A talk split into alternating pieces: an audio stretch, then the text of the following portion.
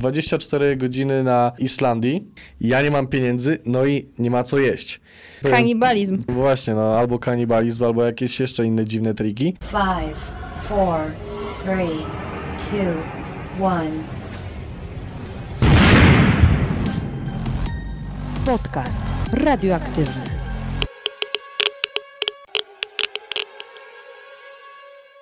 Dzień dobry, dzień dobry. Witam Cię w kolejnym odcinku podcastu radioaktywnego. Choć zupełnie tego nie planowałam, zauważyłam, że mój podcast stał się ostatnio dość podróżniczy.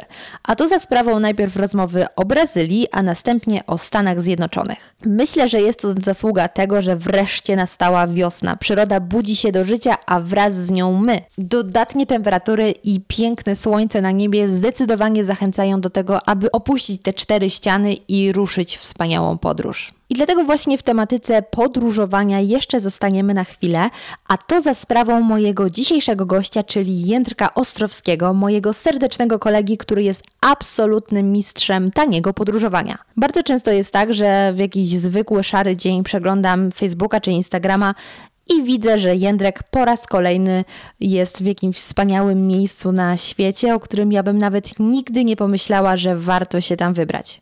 A on nie dość, że tam jedzie za niewielkie pieniądze, to przywozi wspaniałe zdjęcia i masę wspomnień. Z naszej rozmowy dowiesz się, jak tanio podróżować, w jakie miejsca warto się wybrać, a które mogą Was trochę rozczarować, a także dowiecie się, jak poradzić sobie, gdy nagle nie macie pieniędzy ani nic do jedzenia. Zapraszam Cię do wysłuchania naszej rozmowy. Jędrzeju, mój drogi, ja w sumie chyba zawsze tak samo zaczynam. Powiedz mi, Czym są dla ciebie podróże? Poczekałeś na to pytanie. Tak, e, wie, wiele się zastanawiałem przed naszym spotkaniem, e, jak odpowiedzieć na to pytanie.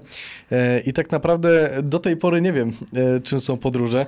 Dla każdego są czym innym. Kiedyś Kaja w jednym z moich, Kaja Globstory w jednym z moich filmików powiedziała coś fajnego, co mi tak zapamiętało się w mojej głowie, że, że podróże są tak naprawdę niczym szczególnym.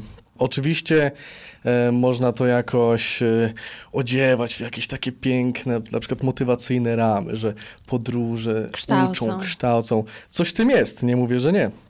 E, natomiast jest to po prostu kolejna rzecz, kolejna fajna rzecz, którą sobie można robić w życiu. I to robisz super często. E, staram się jak najczęściej ponieważ e, mamy takie możliwości, e, których wcześniej e, nasi na przykład rodzice nie mieli, tak, żeby, że można sobie kupić bilet za 80 zł w dwie nasi strony. Nasi rodzice przede wszystkim nie mieli paszportów w domu. No, dokładnie, no. tak. To, to jest kolejna sprawa, ale to, to już w ogóle pomijam takie, takie aspekty. Natomiast to, że można sobie polecieć za 100 zł, e, czyli e, zamiast kupić sobie jakąś grę komputerową, zamiast e, przyoszczędzić na czymś i polecieć sobie do innego kraju, zobaczyć jak żyją ludzie, może nie na innej stronie globu, ale gdzieś tam daleko, 1000 kilometrów, 2000, gdzieś tam dalej od Polski, to jest to, co ja naprawdę uwielbiam robić. I, i myślę, że podróże są jedną z najfajniejszych rzeczy, które, które może robić e, młody człowiek, szczególnie w takim wieku, kiedy, e, kiedy się dopiero rozwijamy, uczymy, jeszcze tak nie do końca pracujemy, e, nie do końca jeszcze jesteśmy w tym takim wirze życia i fajnie tak sobie gdzieś pojechać, pozwiedzać świat. Ja uwielbiam oglądać Twoje relacje z podróży, Dziękuję bo bardzo. wrzucasz nie dość, że przepiękne zdjęcie na Instagramie, zdjęcia, to jeszcze zarąbiste filmiki na YouTubie. No, zdarza się czasem. No, zdarza się, no za każdym razem gdzieś lecisz, to są wybitne. Chyba takim najbardziej epickim była Islandia. Mhm. I to Islandia, zanim Islandia stała się taka mainstreamowa, bo teraz wszyscy jeżdżą do Islandii. Tak, A tak. ty pojechałeś zanim się ten trend pojawił. Kurczę, no Islandia to jest w ogóle taki y, niesamowity kraj. E, zainspirowałem się e, tematem Islandii po filmie Sekretne życie Waltera Mittiego gdzie tytułowy bohater e, gdzieś tam, wiadomo, on tam krąży, nie będę spoilerował, coś tam specjalnie działa, ale on w końcu trafia na Islandię, tam spotyka jakiegoś dzieciaka, zabiera mu deskę, no i jedzie tymi wielkimi, pięknymi ulicami pośród niesamowitych krajobrazów, no i e, oglądając ten film, wtedy sobie postanowiłem, muszę tam E, pojechać. Nie sądziłem, że to się wydarzy tak szybko, bo to chyba, nie wiem, dwa lata później chyba e, udało mi się na Islandię dotrzeć. E, I to był jeden z nielicznych krajów, który faktycznie uderzył mnie e, podczas e, podróży, bo wiadomo, jak poleciałem do Londynu, do, do Madrytu, to, to był taki zachwyt, że wow, jaki, jaki fajny świat, tak, tak by wyglądała Polska, gdyby nie było wojny może, no nie wiadomo. E, natomiast jak poleciałem na Islandię i, i jakby wtopiłem się w ten niesamowity klimat, E, to czułem się, jakbym był bohaterem Władcy Pierścieni. Albo, I na tym albo... filmiku trochę tak wyglądasz. Taki beztroski chłopaczek na dyskorolce. Trochę tak jest, Czy to, prawda? To się nazywa dyskorolka? E, to akurat to był fishboard, to jest Okay, fiszka, fish. fiszka po polsku. E, natomiast tak naprawdę ja nie zrobiłem nic wielkiego, bo to był jeden z moich pierwszych filmów, który zrobiłem w ogóle w życiu nie tylko na YouTube, tylko w życiu. E, I na Islandii tak naprawdę każdy może, sobie pojechać, e, wziąć aparat i nakręcić, odwrócić się w, gdziekolwiek, w lewo, w prawo, do przodu, do tyłu i na pewno złapie jakiś super niesamowity widok.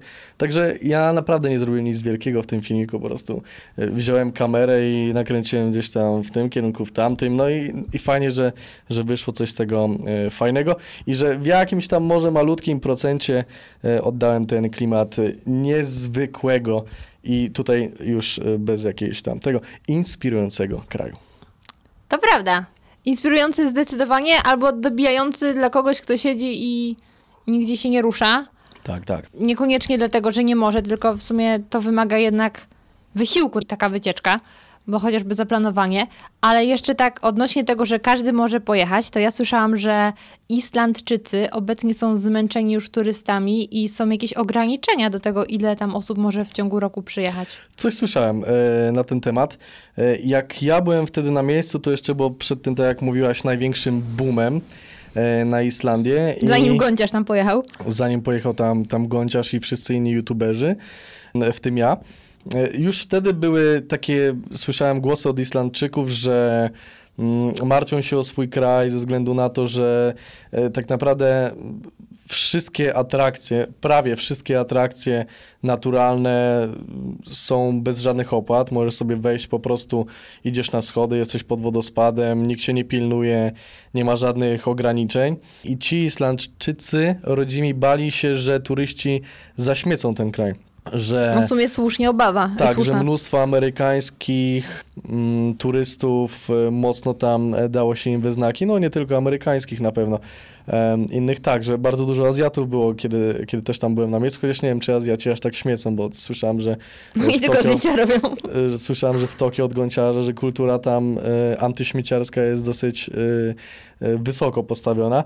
E, natomiast, e, tak jak mówię, bali się już wtedy trochę o te swoje wodospady i te piękne krajobrazy i faktycznie z jednej strony jest to trochę głupie, żeby ograniczać e, ruch, który tak naprawdę najbardziej wspomaga ich finansowo, bo e, Islandia głównie mm, bierze pieniądze z turystyki, więc e, nie wiem jak to dalej poszło, ale nie, nie wydaje mi się, że, że pójdą tym tropem, jeśli w ogóle nie poszli. Czyli jeszcze możecie sprawdzać bilety i bukować. Jak najbardziej. Ale powiedz mi właśnie a propos bukowania biletów, bo poza tym, że byłeś w Londynie, w Madrycie, tak jak mówisz, to ty często wybierasz takie nieoczywiste miejscówki, no chociażby sama Islandia wówczas.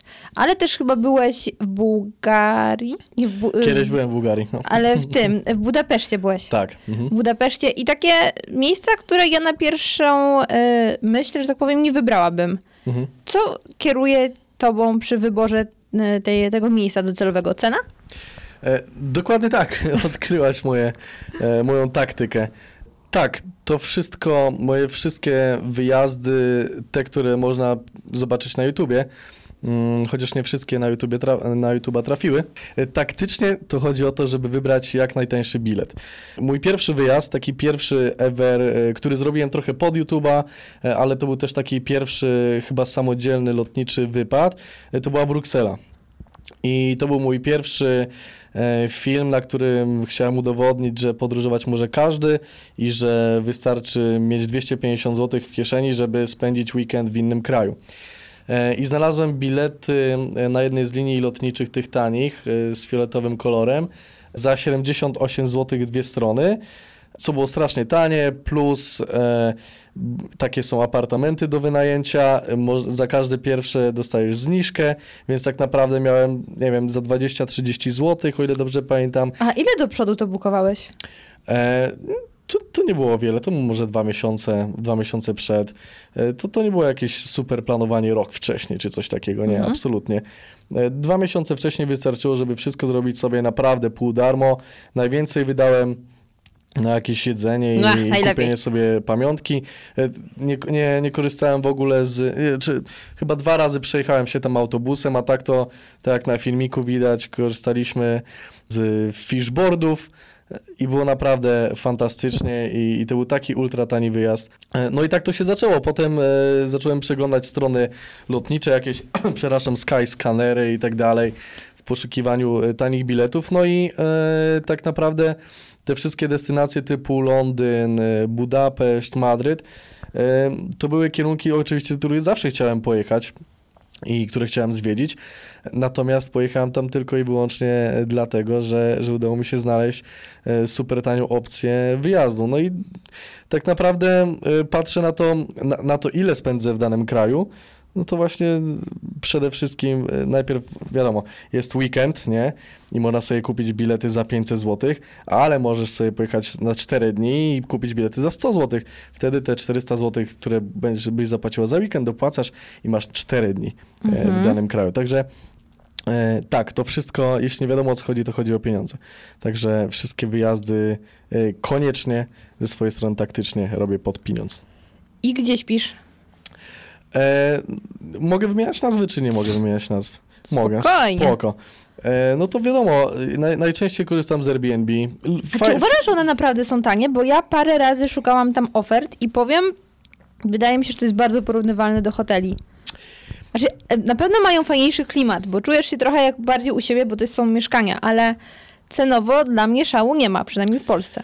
Ja nie jestem aż takim wielkim fanem hoteli, e, żeby za nimi specjalnie tęsknić. Jednak różnica jest taka, że jeśli e, myślimy tutaj o trybie oszczędnościowym, to nawet jeśli Airbnb od hotelu tańsze nie jest, to w takim Airbnb na przykład możemy znaleźć sobie kuchnię, w którym możemy ugotować sobie obiad.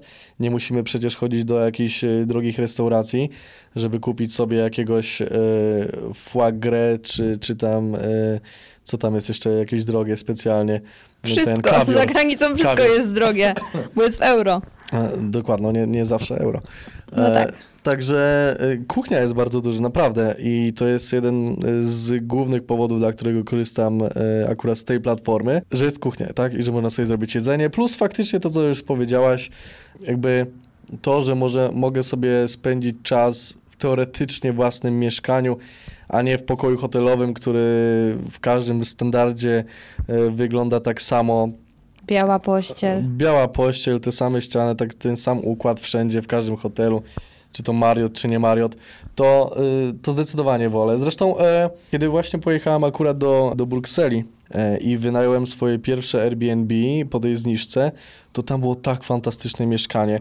Szczególnie zapamiętałem sobie coś takiego, że przed e, wejściem do toalety był taki wielki sygnalizator świetny z ulicy, e, z światłem czerwonym i z zielonym. To, to był kolor czerwony, że, nie, że ktoś jest w środku, albo zielony. Jak byłam na wycieczce w Paryżu dawno, dawno, dawno temu, za czasów chyba gimnazjum, to spaliśmy w takim hostelu, motelu pod Paryżem i tam właśnie w takich y, toaletach, gdzie więcej osób korzystało, były te znaki. Pamiętam, że było śmieszne, tak trochę jak Formuła 1 nam się kojarzyło. No, ho hostele też są Toaleta super. na czas.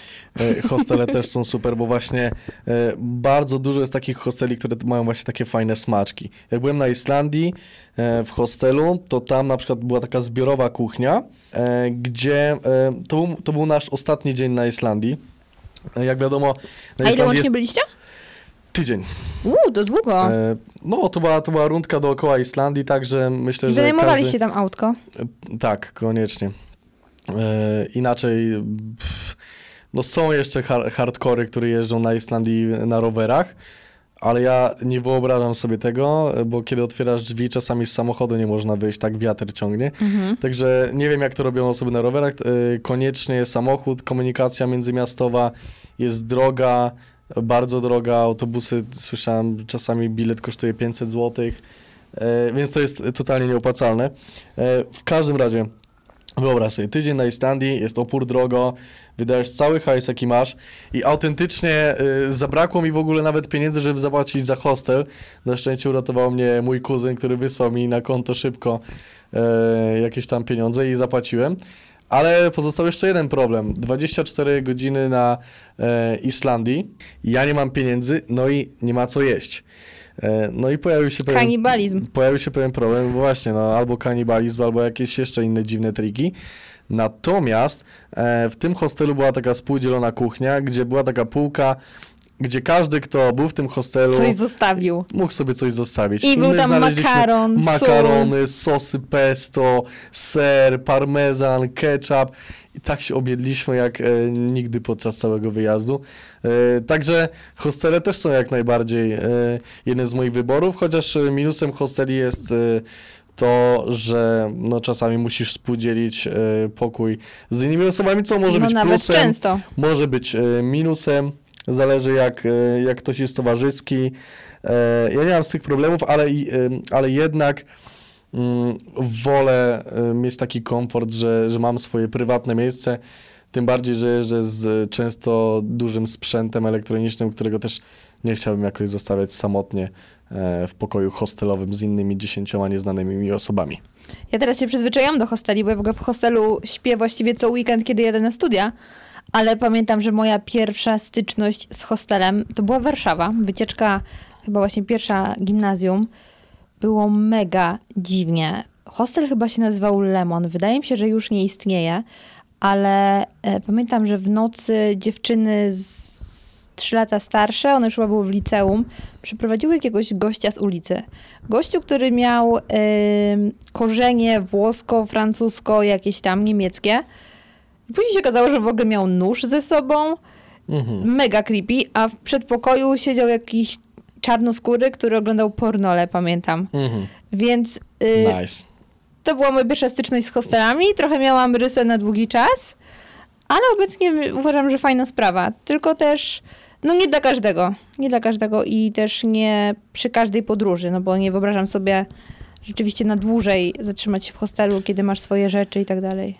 Jak myślę o hostelach, to, to głównie tak mi się wydaje, że to są miejsca dla osób podróżujących samotnie, e, bo wtedy masz możliwość porozmawiania z jakimiś osobami, poznać nowych ludzi, może się zaprzyjaźnić z kimś. No jest po- taniej wyruszyć- niż pokój dwuosobowy gdzieś Dokładnie, wynajmować. wyruszyć e, wspólną podróż.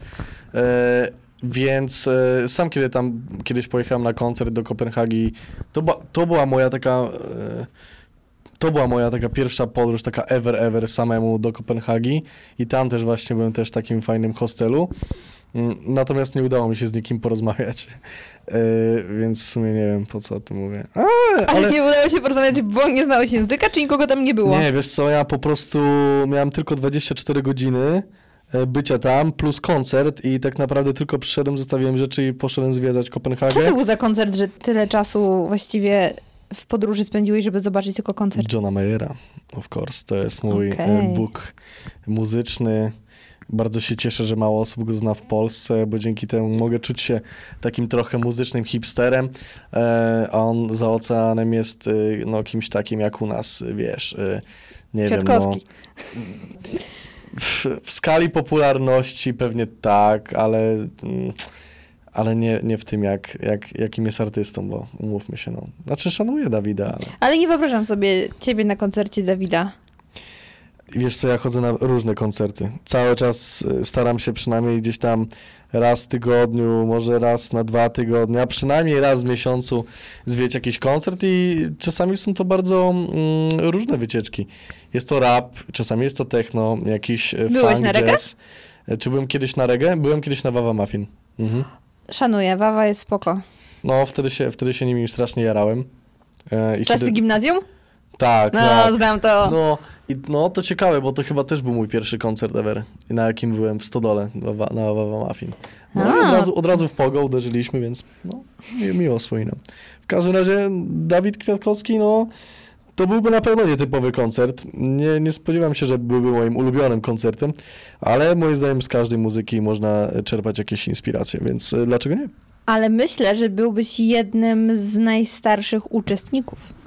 Prawdopodobnie tak. Prawdopodobnie tak. Prawdopodobnie tak, ale może byłby to jakiś plus. Nie wiem jeszcze jaki, ale Pamiętaj, kurator. no, to, aż tak daleko nie sięgam myślami. Dobra, to wracamy do podróży. Czyli śpisz zwykle w jakimś Air- Airbnb albo w hostelach. Czy zdarzył ci się couchsurfing? Jasne, że tak. I to właśnie na Islandii. E, I to był. Na Islandii byłem chyba w trzech miejscach na couchsurfingu, ym, ponieważ ludzie na Islandii, jak wiadomo, bardzo często, no bardzo często są to ludzie, którzy przyjechali z jakiegoś innego kraju, znaleźli gdzieś tam mieszkanie na odludziu i, i mieszkają sami.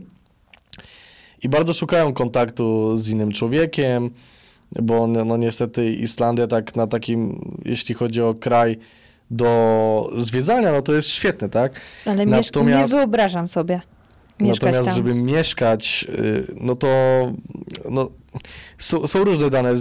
Jedne dane mówią, że jest to najbardziej depresyjny kraj na świecie, drugie dane mówią, że są tam najszczęśliwsi ludzie na świecie, więc nie wiem, które mówią prawdę, ale wydaje mi się, że mieszkanie e, w klimacie, który zmienia się co 5 minut i masz, y, a zimy są tragiczne, praktycznie nie ma słońca, no to już tutaj w Polsce możemy zobaczyć, jak to e, wpływa na mentalność ludzką.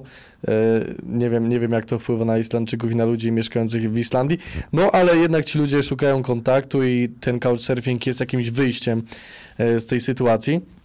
Więc no, couchsurfing to jest w ogóle, moim zdaniem, chyba najlepsza możliwość do, e, do zrobienia podczas podróży. E, Masz tam recenzję, możesz zobaczyć, czy, czy ktoś nie jest jakimś freakiem, który może ci Chociaż coś słyszałam zrobić. creepy historie, ale właściwie wszędzie się takie zdarzają. No, To było akurat we Włoszech, pamiętam. nie da, się, nie da się uniknąć jakichś e, dziwnych sytuacji, e, natomiast no, nigdy nie korzystałem z couchsurfingu sam, więc pewnie nie byłem narażony na jakieś dziwne sytuacje. Chociaż na Islandii byłem w, te, w takim miejscu, że przyjechaliśmy na miejsce, wbijamy do, do mieszkania, pukamy i mówimy, że no dzień dobry, to my, nie wiem jak gość się nazywał, załóżmy, że Steven, cześć Steven, jesteśmy, to, to ten, wchodzimy. On mówi, ale jak to? To wy mieliście przyjechać za tydzień? Myślałem, że za tydzień. No i się okazało, że on przyjął jeszcze innych gości. Byli tam ludzie z Holandii, z yy, Norwegii i z jakiegoś jeszcze jakiegoś yy, dziwnego kraju. No i musiał nas jakoś umieścić, dał nam materac, udało się. I on był strasznie dziwny. Miał takie dwie papuszki, które latały sobie swobodnie po tym mieszkaniu. I jak jedliśmy wszyscy przy tym wielkim stole jakąś tam ucztę, to one cały czas, kurde, na głowę, na ramię się dały. Dobrze, że się dały, a nie co innego na głowę. Dokładnie, żadnej takiej rzeczy do jedzenia nie zrobiły, natomiast gość był strasznie dziwny i, i wychodziliśmy z tego mieszkania w stylu, o nareszcie. Trochę na E. zasadzie chyba właśnie, że samotność zmienia ludzi, nie? E, Być może, ale właśnie to też było dziwne, bo ten gość miał naprawdę bardzo dobre recenzje. I nie no, wiesz, też był dobrym człowiekiem i, i widać było, jaki jest widzisz, sympatyczny. To jest temat z tymi recenzjami właśnie, bo skoro człowiek przygarnął cię pod, twu, pod swój dach, dał ci jeść, nie zrobił ci nic złego, no to nie dasz mu złej recenzji. Yy, Właśnie czytałam gdzieś o tym artykuł, że nawet jak ktoś zatrzymał się u kogoś i właśnie mówi, że ta osoba co chwilę do niej coś mówiła, ciągle gadała, a ta osoba, która przyjechała, chciała odpocząć. No ale głupio dać y, złą recenzję, no bo jednak ktoś cię przyjął. Więc z tymi recenzjami to tak nie wszystko można napisać Tam jednak. była, tam była dokładnie taka sama sytuacja, że my byliśmy opór zmęczeni po, po dniu pełnym wrażeń, e, gdzie straciliśmy mnóstwo energii, bo było strasznie zimno, przymarzliśmy, a wiadomo, że, że jak się tę energię straci, no to potem trzeba wśnie ją odrobić. E, no i e, tam ta im, tam impreza z tymi innymi jeszcze ludźmi, znaczy impreza może jest za dużo powiedziane, posiadówka bardziej, ciągnęła się bardzo długo, a jako, że my byliśmy jakby dobitkami w tym mieszkaniu, to mieliśmy łóżko w salonie, więc musieliśmy tak naprawdę czekać, aż wszyscy opuszczą ten salon i w końcu będziemy mogli zasnąć. Więc no, Znaczy, ja jestem tego zdania, że nawet jeśli ten gościu y, był dziwny, no to jest dokładnie to, co ty mówisz. Przyjął nas, y, dał nam jedzenie, nie wziął za to żadnej złotówki, nie dostał od nas tak naprawdę nic, y, co by mogło zrekompensować to, że, że byliśmy u niego, że spędziliśmy u niego noc. Y, więc y, ja w ogóle nie mam, nie mam żadnego problemu z tym, że ktoś jest specyficzny i że może gadać jakieś głupoty albo ma jakieś dziwne zachowania, bo ja też jestem dziwny i akceptuję to, że każdy może być dziwny i wiesz, może mieć jakieś swoje małe zboczenia, e, które oczywiście, no, jak już wchodzisz do kogoś do mieszkania, to od razu e, musisz zaakceptować e, wszelkie, wszelki regulamin albo zasady, które panują w jego domu. No myślę, że to jest jakieś normalne. Natomiast inne doświadczenia z, couchsurf- z couchsurfingiem były jak najbardziej na plus. No. Byliśmy też w mieszkaniu takiej em, samotnej matki mieszkającej z dwoma, dwoma chłopakami? Mhm. z dwoma chłopakami i było super sympatycznie, dała nam rewelacyjnie dobry obiad. E, Co prawda umieściła nas w tak, takim pokoju, tak brudnym i zasyfionym, że byłem tak zdziwiony, że w ogóle kogoś można tak przyjąć, ale też nie miałem z tym problemu. Miałem łóżko, wyspałem się, super. Inna kultura też na przykład. Dokładnie, więc Mhm. E, Korzystając z couchsurfingu, tak jak mówię, trzeba być przygotowanym na różne charakterki e, właścicieli, ale jest to e, rewelacyjny, jest to rewelacyjny sposób, żeby też poznać osoby, które mieszkają w danym kraju i, i dowiedzieć się czegoś o miejscu, w którym jesteśmy. Zgadzam się. Też lubię couchsurfing. Ja w nawet... hotelu przecież kelnera e, nie będziesz pytać, no co tam Islandczycy jedzą w twoim kraju? Nie, no właśnie nie. To trzeba do tego normalnych ludzi, którzy są tacy, tacy jak my i którzy nie są w pracy przede wszystkim. To prawda. Yy, chociaż pamiętam, tak a propos, co się je w tym kraju, to jak byłam w Oslo, strasznie mi zależało na tym, żeby skosztować yy, lokalnej kuchni. Jakie było moje zdziwienie, jak się okazało, że oni w restauracjach nie mają yy, norweskiego jedzenia, bo oni norweskie jedzenie mogą sobie kupić w supermarkecie i zrobić na obiad, a jak idą zjeść na mieście, to będzie to albo włoskie żarcie, albo jakaś chińszczyzna, albo, nie wiem, frytki i hamburger. Nie ma restauracji z norweskim jedzeniem. No tak, ale w sumie znaleźć kuchnię polską w Warszawie też, też nie jest tak łatwo. nie? Proszę cię, cała starówka. No, Bary mleczne. no okej, Nie, no. może faktycznie. My mamy y, sentyment do własnej kuchni, Norwegia nie ma. Ale jadłam takie super ciastka rybne. Znaczy to się nazywa jako ciastka rybne, ale to są takie bardziej kotleciki rybne. W supermarketach kupowałyśmy właśnie, więc ekstra polecam. Coś jak filetki, Nie, tylko to się, na zimno. to się chyba nazywa jakiś fish balls, coś takiego. Mhm. Polecam. Byłeś w Oslo? E, nie, ale Pojedź. jest bardzo tanio, e, w sensie tanie bilety, bo No bilety tak, bo już na, na miejscu miejscu nie. potem już się dużo traci, więc y, na pewno y, kiedyś y, tam zawędrują. Koniecznie. I spróbuj wtedy sera, który smakuje karmelem. On jest taki brązowy. Dwa razy chyba powiedzieli coś do mnie po arabsku. I mówię, co ty jesteś z jakiegoś dziwnego kraju, a nie stąd? To kurczę. Podcast radioaktywny.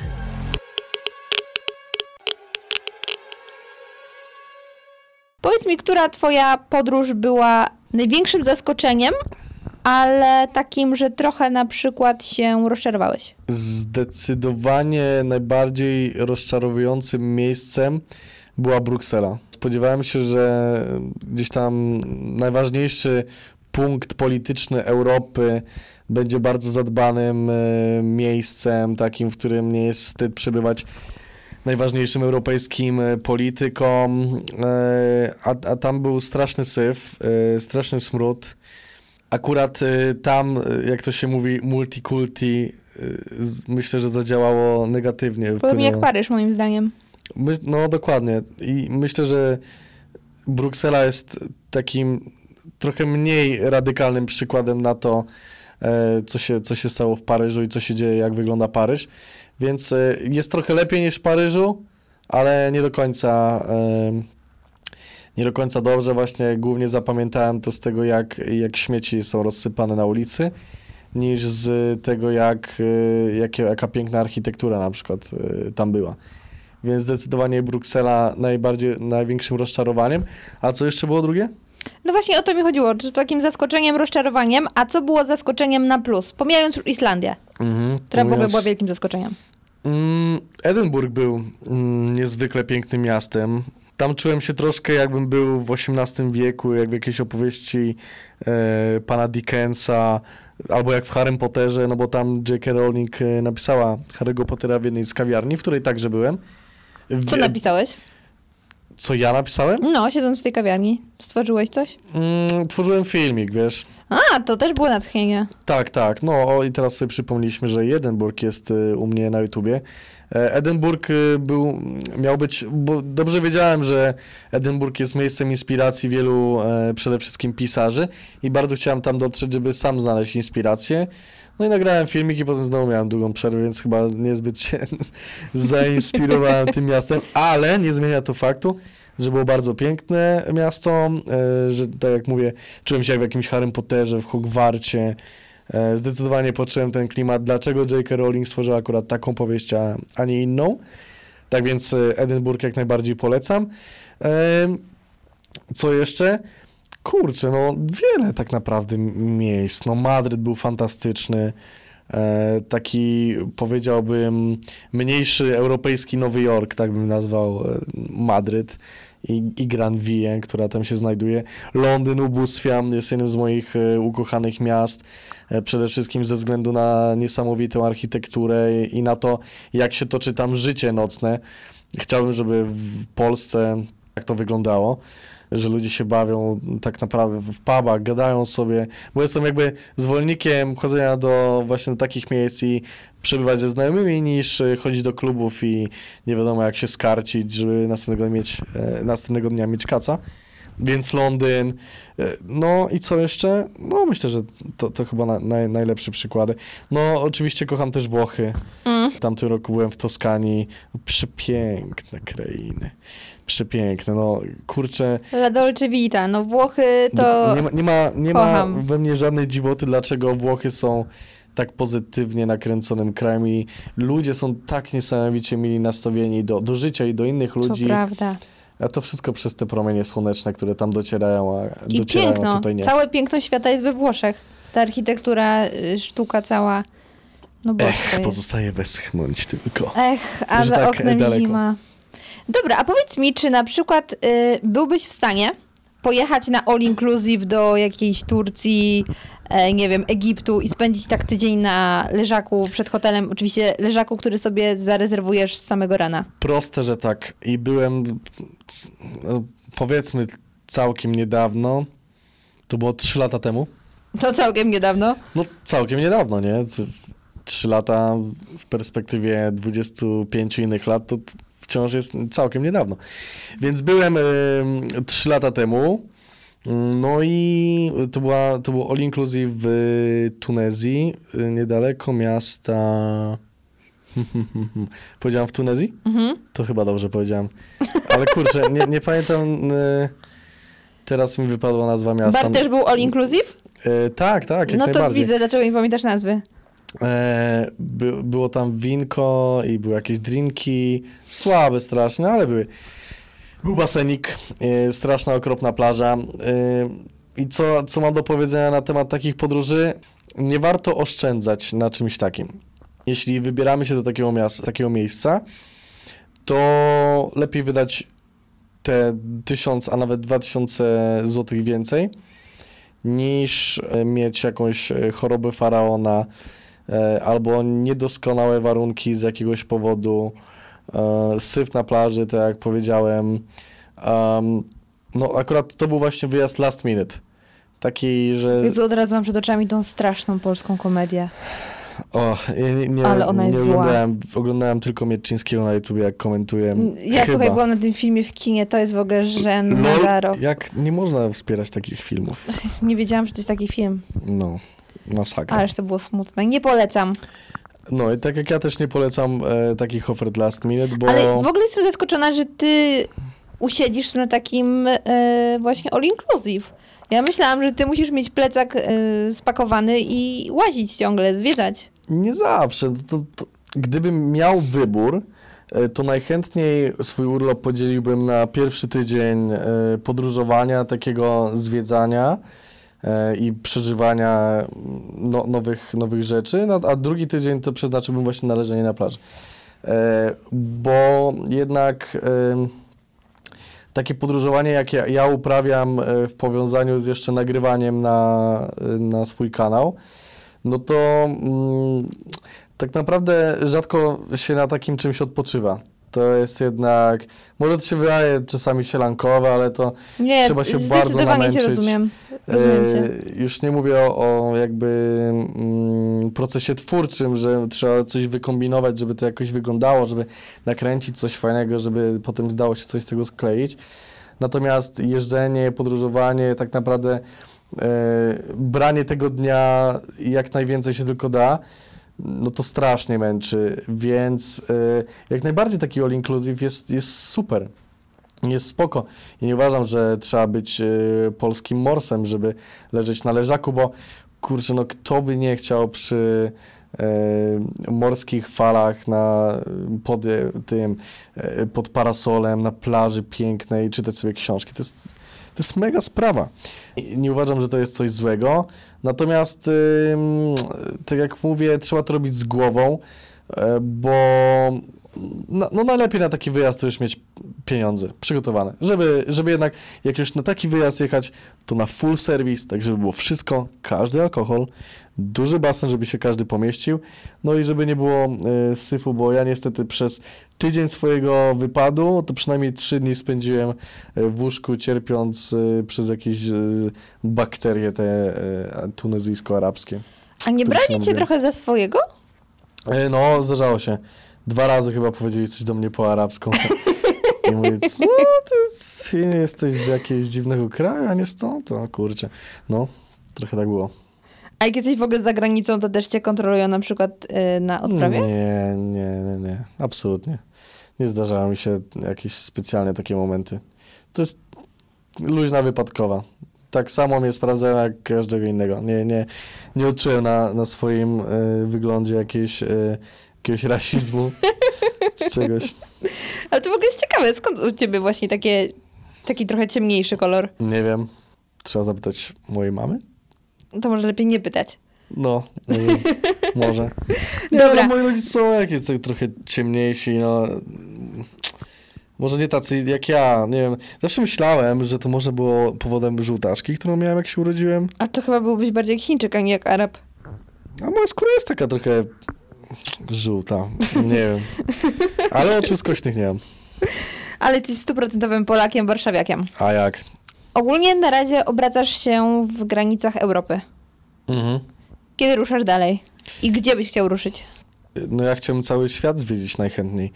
Kapsztad jest e, takim miejscem, który chciałbym zwiedzić, e, czyli południowa Afryka. Mam tam dwóch kumpli. O, super, no to dasz, Mówili- dasz mi kontakt. A spoko, jeden nazywa się Jugen. Ym, Mhm. Mówili mi, że ogólnie to jest piękne miejsce, ale jest mega niebezpieczne i O. trzeba wszędzie taksówką jeździć. Dokładnie. To też o tym słyszałem. Em, ale jestem gotów na, na wyzwania. Zresztą adrenalinka podczas podróży zawsze, zawsze jest na plus, więc dlaczego nie? Dałbym sobie jakoś radę. Ale no zdecydowanie Kapsztad, żeby zobaczyć te mm, piękne krajobrazy morskie, jak najbardziej. E, Nowy Jork i, i w ogóle LA i tak naprawdę No Stany, no wiadomo. Stany. Marzenie każdego człowieka na świecie jest dotarcie do, do Stanów. Tak się już utarło w kulturze i w popkulturze, że największym sukcesem człowieka jest mieszkać w Nowym Jorku albo w LA. E, także no, każdy musi tam chyba pojechać. Czysto teoretycznie najmniej ciągnie mnie w te azjatyckie rejony. Nigdy się nie A widzisz, fascynowałem. To e, masz tak, jak ja miałam przez długi czas. W ogóle mnie Azja nie kręciła i dopiero od paru lat naprawdę y, myślę sobie, że chciałabym tam wrócić, no bo byłam w Hongkongu, ale to i tak jest mało azjatycko w sumie jak na całą Azję. Mhm. Ale no, na pewno nie będę chciał pominąć tego kiedyś na jakimś mm, moim szlaku. Do Mm. Japonii? Do Tokio Japonia jak zdecydowanie. Tylko właśnie czekam aż y, przejdzie famala gąciarza, no bo pod, wydam tyle pieniędzy, żeby tam pojechać i w ogóle i co? I nie nakręcę żadnego fajnego filmiku, bo już wszystko gąciarz zrobił. On Więc- teraz powoli chyba ma się ku Nowemu Jorkowi, więc Serio?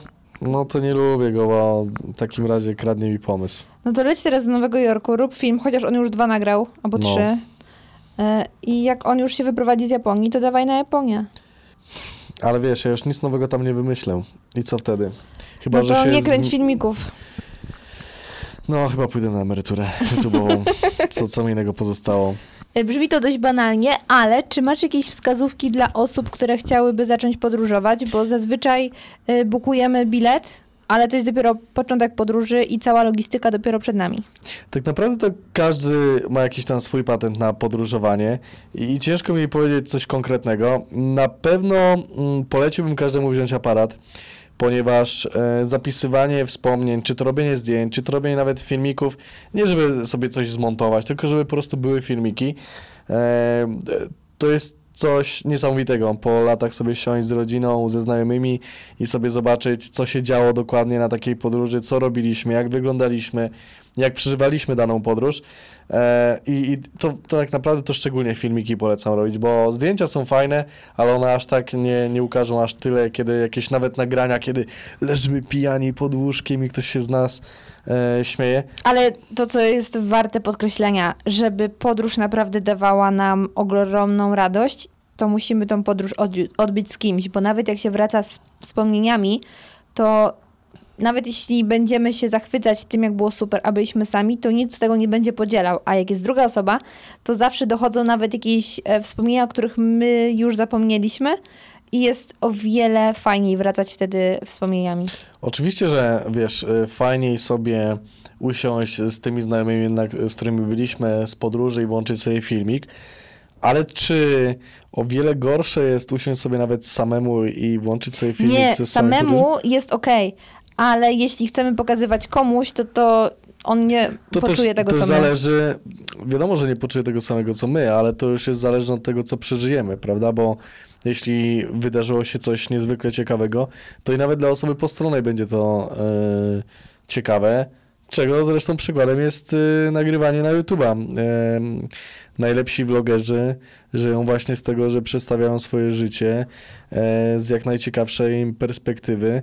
No i, i jednak ludzie ich oglądają. Przykładem to No jak tak. jest Casey Neistat. To prawda, natomiast wydaje mi się, że no najfajniej to z kimś podróżować. Znaczy, nie no, wiadomo, że najfajniej z kimś. No. E, samotna podróż wiąże się jednak e, z tym, że no albo nie mamy z kim, więc jest to problem, albo my mamy po prostu jakiś problem, który chcemy rozwiązać sami w swojej głowie i potrzebujemy samotności i, i zmienienia mm, jakiejś e, kultury, e, Od tego, razu co pomyślałam o takim słowackim, który tam po prostu rozczula się nad swoim życiem. No, coś, coś w tym jest. Każdy, przecież jak siedzimy sami, to, to, to jesteśmy już sami ze sobą. I możemy tylko wpatrywać się gdzieś tam, nie wiem, czy w okno, czy, czy w jakąś górę piękną. Dobra, wiesz, co się robi nostalgicznie. Ym, Ja jestem nostalgiczny. Oj tam, przestań, po twoich filmikach by tego nie było widać. To zależy. zerze ty. Edynburg jest bardzo nostalgiczny. Dlatego się nie ogląda. To podlinkujemy Edynburg, żeby oglądalność wskoczyła. O, lepiej polinkować lepsze filmy niż Edynburg. E, dobra, czyli aparat. Mhm. Co oprócz aparatu potrzebujemy? Dobry uśmiech, pozytywną energię I hajs. i mega dobre nastawienie i hajs. Mhm. Tak. A tak na naprawdę, tak naprawdę nie każdy weźmie to, co em, inaczej. Podróż e, powinna być jak najbardziej komfortowa, żeby nie martwić się jakimiś dziwnymi duperelami, które nas spotykają, czy żebyśmy nie byli głodni, żeby na nas nie padało, Ojejku, żeby nie było głód jest mokro. najgorszy. Dokładnie. Chociaż no też bywają jakieś inne, jeszcze pewnie gorsze. e, Znaczy ja się robię wredna, jak jestem głodna, tak, plaga więc... komarów na przykład. Nie wiem, czy nie byłaby gorsza od głodu, bo głód możesz jeszcze jakoś, e, jakoś zapić, nie? Natomiast y, plagi komarów pozbyć się, to musi być dramat. To prawda. E, Także najważniejsze, żeby, żeby podróż była komfortowa, nie zapominajmy o tym, że może nas zaskoczyć właśnie deszcz, czy to jak głód powiedzieliśmy, e, ale tak naprawdę podróż jest na tyle ekscytującą wyprawą, że e, choćbyśmy nie wiadomo jakie mieli plany, jakbyśmy sobie wszystko zaplanowali, i tak w końcu coś się wydarzy nieoczekiwanego, z czym będziemy musieli sobie poradzić, więc to, co będziemy mieli w plecaku, e, nie ma zupełnie żadnego znaczenia. Ale aparat weźmy przede wszystkim. A lubisz wracać do domu po takich podróżach, czy trochę czujesz taki niedosyt? To zależy z jakiej podróży wracam. Z Islandii nie chciałem bardzo wracać. Tam czułem się bardzo, bardzo fajnie. No ale, ale są takie wycieczki, kiedy już e, bolą mnie nogi, że już nie mogę więcej zwiedzać i że fajnie byłoby się położyć gdzieś tam w swoim łóżku, a nie gdzieś tam chodzić po jakichś e, pubach, restauracjach, w których już nie mam ochoty siedzieć, bo już jestem zmęczony. Więc jasne, że tak. Uważam, że zresztą ja jestem wielkim fanatykiem Warszawy i kocham Warszawę, więc e, zawsze kocham tu wracać, niezależnie z jakiej podróży. Piękne. Ale teraz pytanie, które najbardziej mnie interesuje i ta kwestia nie daje mi spać w nocy, to youtuberzy, którzy, tak jak powiedzmy Krzysztof Gądziarz, ale też tak jak ty, podczas podróży robicie wspaniałe filmy i to filmy, które często mają nietypowe ujęcia, typu leży sobie kamera na ulicy i nagle ty sobie idziesz, czyli wcześniej musiałeś tą kamerę odstawić, pójść kawałek i do niej wrócić, żeby było ujęcie. Czy myślenie pod kątem vloga nie odbiera radości z, z całej podróży? Zdecydowanie odbiera w wielu momentach, nie zawsze, ale często się to zdarza i myślę, że y, każdy vloger podróżniczy miał z tym wcześniej styczność, bo pamiętajmy, że to, co widzimy na ekranie, to jest zbiór zmontowanych obrazków, e, które w ogóle nie odzwierciedlają tego, jak się aktualnie czujemy i tak dalej. Przecież e, mogło wydarzyć się chwilę wcześniej coś, coś niedobrego, coś złego, a my musimy świecić uśmiechnięci e, do kamery. E, więc e, oczywiście YouTube jest prawdziwy i tak dalej i na, na najbardziej się sprzedaje to, jakim jesteśmy naprawdę. E, natomiast podczas e, moich podróży zdarzały się takie sytuacje, kiedy czułem się bardzo zdenerwowany i sfrustrowany tym, że na przykład jakiś plan mi nie wypalił, e, co sobie e, super zaplanowałem do odcinka, no i bez tego w sumie zaraz nie będzie filmiku, albo mi bateria się rozładowała i nie miałem żadnej już innej, e, albo padł mi mikrofon i tak naprawdę połowa materiału została wyrzucona do kosza. No i mimo, że jestem w innym kraju i, i powinienem czuć się szczęśliwy, że mogę podróżować i zwiedzać inne inne miasto, poznawać innych ludzi, inną kulturę, to, to zdarzały się sytuacje, kiedy byłem e, bardzo, ale to bardzo e, nieszczęśliwy z powodu tego, że czegoś, e, że czegoś nie uda mi się nakręcić, ale myślę, że w tej chwili już troszkę nauczyłem się sobie jakoś z tym radzić, że już nie uważam, że filmik jest najważniejszy w takich sytuacjach, że jeśli nie uda mi się czegoś nakręcić, to, to tak naprawdę odstawiam kamerę, już spędzam e, całą swoją podróż, nie patrząc na to, że, że coś nie powstanie. E, tak na przykład było w Kopenhadze, miałem nagrać filmik z, z drugiego koncertu Johna Mayera, na którym byłem i tego, jak wygląda Kopenhaga.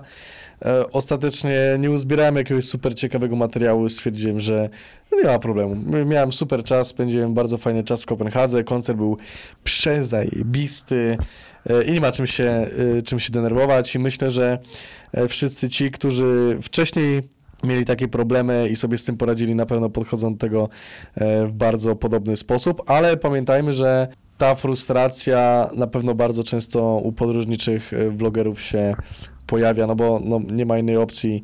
Niestety bardzo często nie jest to urlop, tylko tak naprawdę dla nas y, podróż wtedy nie jest y, wypoczynkiem, tylko może nie ciężką pracą, ale wzmożoną aktywnością mózgową.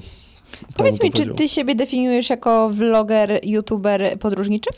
Nie, dlatego że y, ciężko nazywać siebie youtuberem, w ogóle kiedyś ma się 10 tysięcy subskrypcji. To ja nadal traktuję to na e, fanowskim, amatorskim poziomie, no bo youtuberem to jest, e, youtuberem można nazwać kogoś, kto mm, zarabia na YouTubie. Takie, takie już pieniądze, że, że mógłby z tego przeżyć. Tak mi się przynajmniej wydaje.